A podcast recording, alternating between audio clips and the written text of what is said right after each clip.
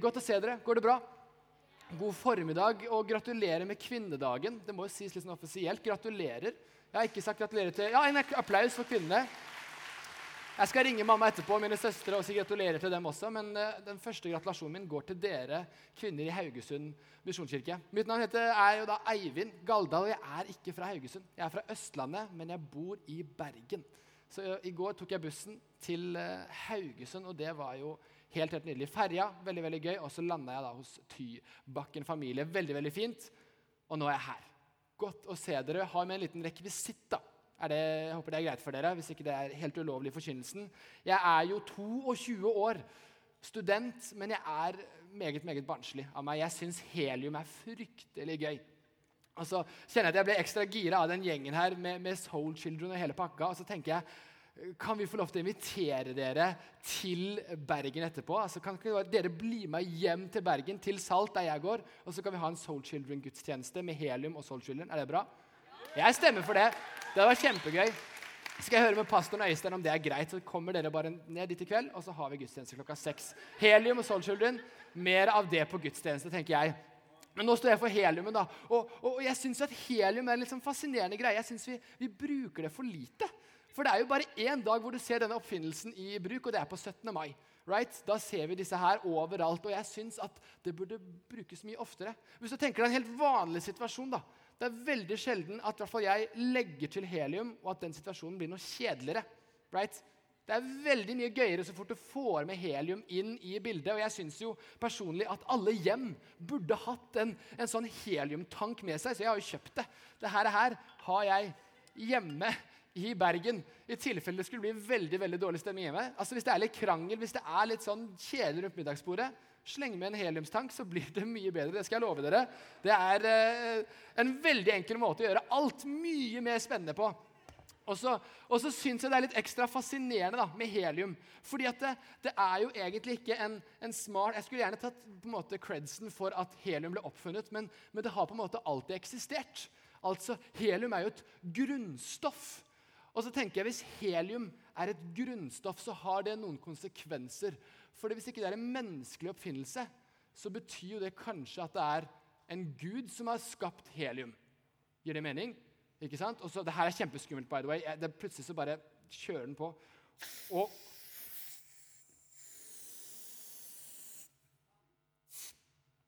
Og hvis helium er en ting som Gud har skapt så er jeg litt nysgjerrig på om han visste hvordan vi kom til å bruke helium. For hvis Gud har skapt helium, og hvis han visste at vi kommer til å bruke det på den måten vi gjør Så er han jo helt genial. Altså, for en Gud vi har, som kunne funnet opp en ting som det her. Som gjør at vi kan ha det så gøy med helium! Wow, wow, wow, wow. Vi snakker om Guds kjærlighet, vi snakker om Guds storhet. Men Gud har humor. Gud har en leken side. Og jeg syns vi burde vie mer oppmerksomhet til denne siden av vår Gud. Kanskje dere kan lage en liten sang til Guds heliumside. Så helium kan jo by på veldig mye glede, da. Men det kan også by på en av den største sorgen du kan se. For har du noen gang sett et barn miste sin kjære heliumsballong på 17. mai? Å, det er et trist syn. Det er veldig veldig kjedelig når barnet jeg tør ikke å miste, da, da, går den faktisk av gårde. Her må jeg holde på den. Når et barn mister sin heliumsballong, da er verden i knus. Når jeg mister min heliumsballong, da blir jeg veldig veldig, veldig lei meg. Og det som er så trist, er at Du kan se det på så lang avstand. Du trenger ikke å se barnegang. Du kan bare se at et sted borte der i det fjerne så ser du på 17. mai at en ballong går opp til været. Og du vet at det er et barn som gråter sine stolte tårer fordi den ballongen ble borte. Og så merker jeg at det er ikke bare med heliumballonger vi holder på sånn. at veldig mange av oss, vi, vi bærer også troen litt som en heliumsballong. At, at, at, vi tenker at hvis ikke jeg holder veldig veldig hardt, hvis ikke jeg følger med hele tiden, hvis ikke jeg gjør alt riktig, så plutselig bare Så forsvinner den. Jeg må holde veldig hardt og gjøre ting riktig for at troen i det hele tatt skal være nær meg. At jeg skal være nær Jesus. Ja, Da må jeg gjøre ting riktig. For hvis jeg i et øyeblikk, i noen dager, i noen perioder ikke følger godt nok med, så føler jeg troen min bare forsvinner. Og så tenker jeg, skal troen være sånn? Skal det være så enkelt? Altså, Det er jo trist å se. Et barn miste sin kjære heliumsballong på 17. mai. Men det må være desto tristere for en far i himmelen å se sine barn miste troen på han på reisen hjem. Skal det være så skjørt at vi mister troen så fort vi ikke følger veldig, veldig, veldig, veldig nøye med? Eller finnes det en nøkkel som gjør at det faktisk varer? På tross av hva livet kaster på oss. Jeg skal ikke komme her Haugesund, og hevde at jeg som en østlending her skal, skal ha noen mirakelkur for dere. Men jeg har observert en fellesnevner blant mennesker som har en tro som varer. Og jeg har veldig lyst til å dele den med dere til ettertanke, hvis det er greit for dere.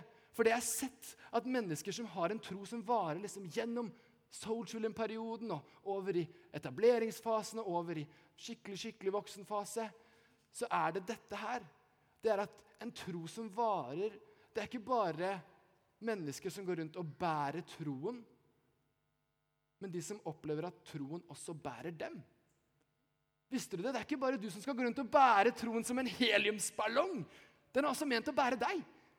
Det er ikke bare du som skal bevare troen.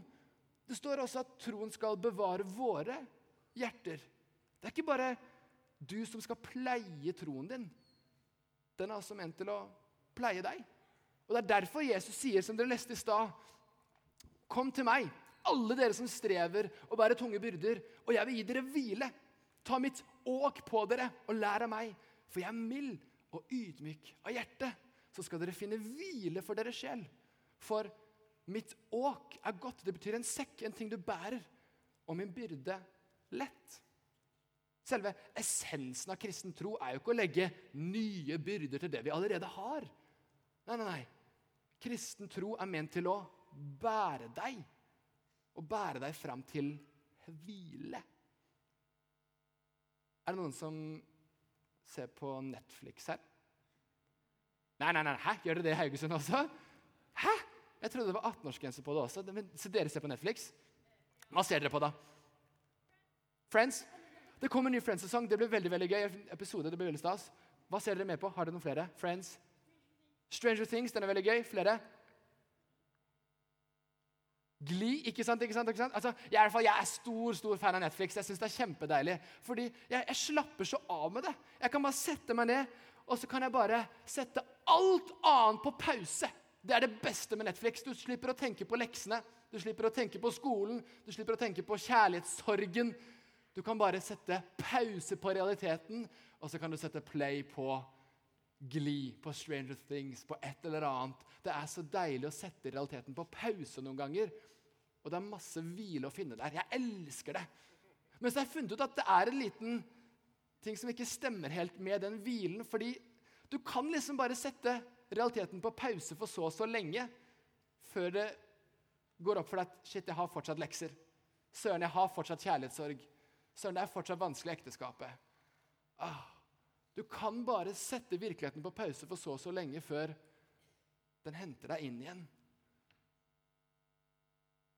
Og når Jesus snakker om en hvile, så snakker han ikke om en hvile som dette, for dette her er hvile i en virkelighetsflukt.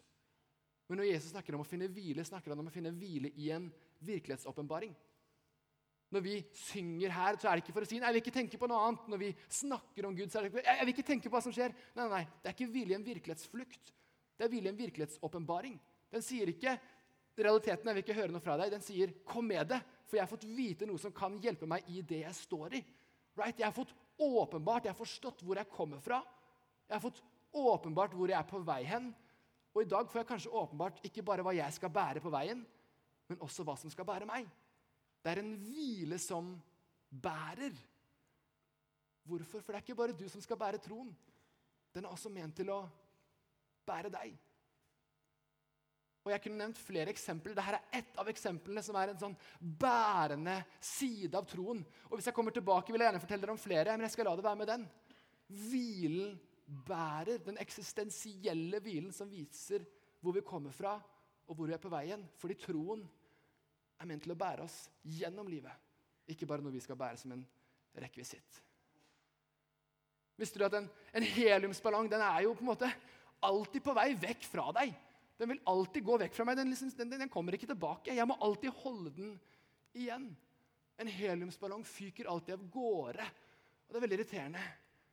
Men én ting vet jeg i hvert fall. Når jeg leser i Bibelen, så er det at Gud skrev jo sin historie ikke med å fyke av gårde. Nei, Han ble menneske og kom ned til jorden for å bære oss mennesker fram til Gud.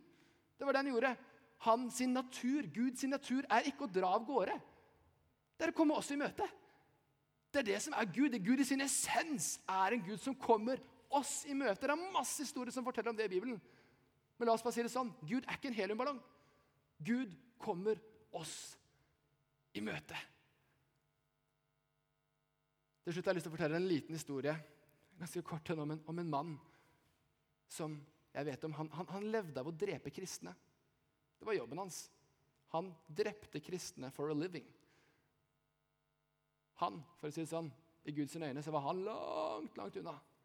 Men han forsto at Guds natur det er jo ikke å dra av gårde. Han fikk et ekte møte med Gud, hvor han ikke hadde fortjent det, men hvor Gud kom han i møte. Og han skrev følgende i Bibelen. Det står Jeg kommer ikke på skjermen, jeg skal sitere det for dere. For, for jeg er viss på at verken død eller liv, verken engler eller krefter, verken det som nå er, eller det som kommer, eller noen annen makt, verken det som er i det høye eller i det lave, eller noen annen skapning, skal kunne skille oss fra Guds kjærlighet i Kristus Jesus, vår Herre. Det er ikke bare du som skal bære troen din. Den er altså ment å bære deg. Bærer du troen din, så bra. Men bærer den deg?